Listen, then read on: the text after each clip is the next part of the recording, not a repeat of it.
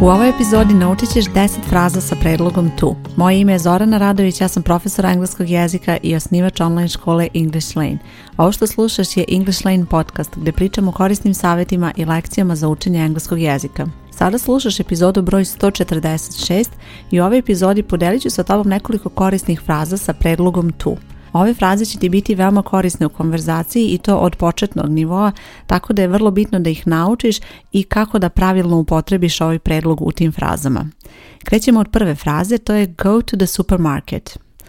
Ova fraza ima predlog to posle glagola go i to je predlog koji ćeš koristiti kada želiš da kažeš da ideš na neko mesto i pre svega imaju u vidu da za sve ove glagole postoje situacije kada ćeš koristiti i neki drugi predlog. Dakle, ovo nisu glagoli gdje se koristi samo predlog to, već postoji neki drugi glagoli, ali moj fokus je sada taj predlog to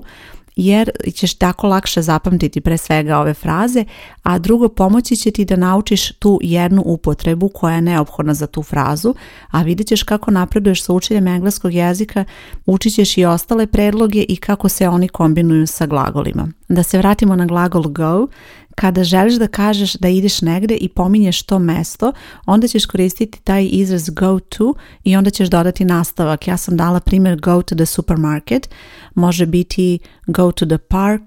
go to the office i tako dalje. Sljedeći drugi izraz je like to travel. Ovaj izraz znači da osoba voli da putuje i posle like se koristi predlog to, a zatim glagol u infinitivu i to je nešto što je bitno da zapamtiš jer je to pravilo kako koristiš taj glagol like i naravno umjesto travel možeš reći nešto drugo. Možeš recimo reći I like to read ili I like to walk i tako dalje, znači bilo koji glagol, ali bitno je da zapamtiš da ide like, onda ide to i onda glagol u infinitivu i to je jedan način da upotrebiš glagol like, postoji još jedan način kako možeš upotrebiti like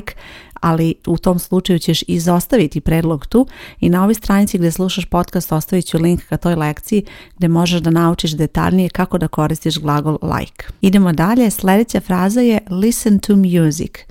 i ovo je fraza koju ćeš naučiti na početnom nivou i zapamti da koristiš taj glagol listen, slušati muziku, music, ne koristiš član u ovoj situaciji, ali je vrlo bitno da ne izostaviš to tu, jer je to jedna od čestih greški koje se javljaju kada učiš engleski jezik, dakle izostavi se to tu i ne može da se upotrebi listen music, već mora listen to music imaju u vidu da može da se desi da se nadovežu fraze sa predlozima tu i da onda je to nešto što može da te zbuni i tada u toj situaciji vrlo često može da se javi nedoumica koliko tih tu treba da se zapravo upotrebi i odmah ću ti dati jedan primjer gdje možeš odmah to da vidiš.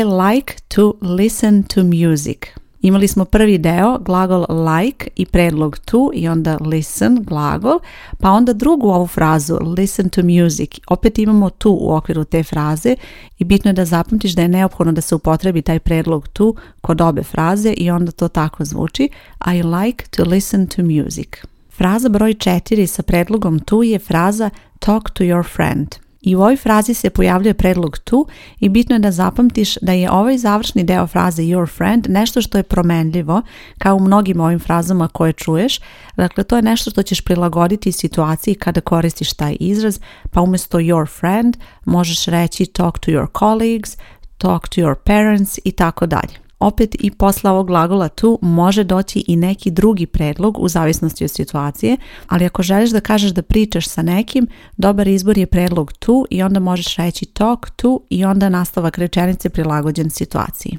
Sljedeća fraza je respond to an email. Ova fraza znači odgovoriti na email i u ovoj frazi se koristi tu, znači obavezno je posle respond da upotrebiš tu i onda kažeš an email, možeš reći respond to a phone call, odgovoriti na telefonski poziv, ali respond to je obavezni deo i ovo posle možeš prilagoditi. Dolazimo do sljedeće fraze, a to je fraza sorry to hear that. Ova fraza je nešto što ćeš naučiti kada učiš kako da se izviniš na engleskom, a postoji i posebna lekcija o ovoj temi na ovoj stranici gdje slušaš podcast ostavit ću link tako da možeš pročitati detaljnije o tome kako možeš upotrebiti ove i slične izraze sa predlozima. I nastavak ove fraze možeš prilagoditi situaciji tako da ne mora uvijek biti here or that. Umjesto toga često se koristi recimo izraz sorry to interrupt you i ono što je bitno da zapamtiš također da posle sorry može da se koristi i predlog for, ali drugačija je upotreba i drugačiji je nastavak fraze i zato je bitno da napraviš razliku da je ovo situacija kada koristiš predlog to, sorry to, hear that ili sorry to interrupt, a u okviru lekcije koju sam predložila da pogledaš kasnije nakon ove epizode možeš vidjeti i ostale situacije gdje ćeš koristiti i druge predloge, a između ostalog to je predlog for. Sljedeća fraza je have something to do i ovo je fraza gdje imaš poslije glagola ovu reč something i onda je ovo to do, raditi. Imam nešto da radim, have something to do. Isto tako možeš reći have nothing to do, nemam ništa da radim, have nothing to do. I u ovoj frazi koristiš tu kao predlog i to je nešto što je obavezan deo ove fraze. Sljedeća fraza je remember to lock the door. Seti se da zaključaš vrata i ovo lock the door je promenljivi deo, dakle možeš prilagoditi različitim situacijama, ali zapamti da ćeš u ovakvoj vrsti fraze koristiti remember to, setiti se da uradiš nešto i to je nešto što moram neto da dodatno ti skrenem pažnju zato što postoji i situacija kada koristiš gerund posle ovog remember, ako ne znaš šta je gerund, ja ću ostaviti na ovoj stranici link pa možeš pogledati detaljnije. Dakle, postoji situacije kada ćeš izostaviti tu iz ove fraze i reći remember locking the door, ali to je jedna potpuno druga upotreba i potpuno menja značenje ove fraze, tako da je to nešto što ćeš učiti odvojeno kada učiš glagol remember,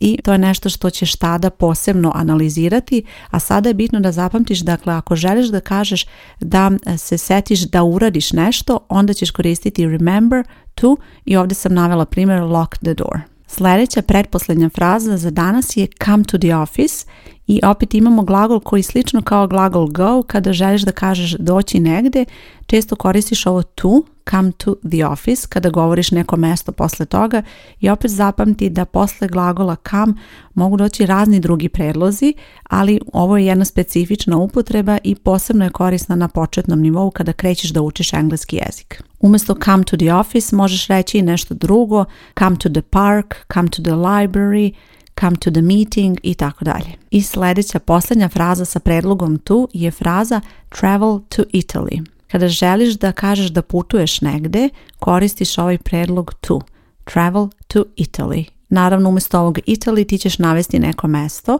i zapamti da posle travel u ovoj situaciji koristiš to. Postoje situacije kada posle travel možeš upotrebiti i predlog in, ali u situaciji kada koristiš predlog in podrazumeva se malo drugačije značenje i odmah ću ti navesti primjer da vidiš o čemu se radi. Kada kažeš I'm traveling to Italy, to znači da ti ideš na putovanje u Italiju. A kada kažeš I'm traveling in Italy, to znači da si ti u Italiji i da putuješ po Italiji. Odnosno to je neka upotreba kako se doživljava način na koji izgovaraš jednu, odnosno drugu rečenicu, kako se to interpretira u govoru, odnosno kako to sagovornik razume. I tu je ta neka mala razlika, iako naravno eto gramatički je pravilno i da kažeš travel to i travel in, ali postoji ta neka mala razlika na koju je bitno da obratiš pažnju ako koristiš ove predloge uz glagol travel. I baš kroz ovaj primjer vidiš koliko je ta upotreba važna i koliko su te razlike bitne kada je u pitanju način na koji koristiš engleski jezik.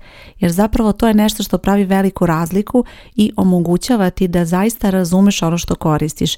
jer ako ti znaš da je jedna i druga rečenica gramatički pravilna, ti ćeš lako uraditi test gdje je potrebno da izabereš ABCD i na taj način pokažeš svoje znanje, jer je to izolovana rečenica van konteksta, van konverzacije i gramatički ona može biti tačna, ali kada je u pitanju upotreba jezika, odnosno kada želiš da koristiš engleski u konverzaciji bilo pisanoj, bilo usmenoj, takve razlike postoje i veoma su važne zapravo zato što onda one utiču na značenje onoga što želiš da kažeš i zato je vrlo bitno da razumeš i ovakve razlike, a ukoliko učiš engleski u mojoj školi vidjet ćeš da će te lekcije voditi baš kroz ovakve primere i kroz situacije gdje će biti bitno da napraviš razliku između ovih reči, ovakvih izraza i da onda naučiš naučiš da sa razumevanjem upotrebiš sve njih. Ukoliko te zanima da kreneš sa učenjem u mojoj školi, na ovoj stranici gdje slušaš podcast postoji link ka školi ili možeš potražiti koristeći pretraživač kao što je Google i tu ćeš pronaći sve detalje, znači samo ukucaš English Lane online škola ili čak možeš ukucati moje ime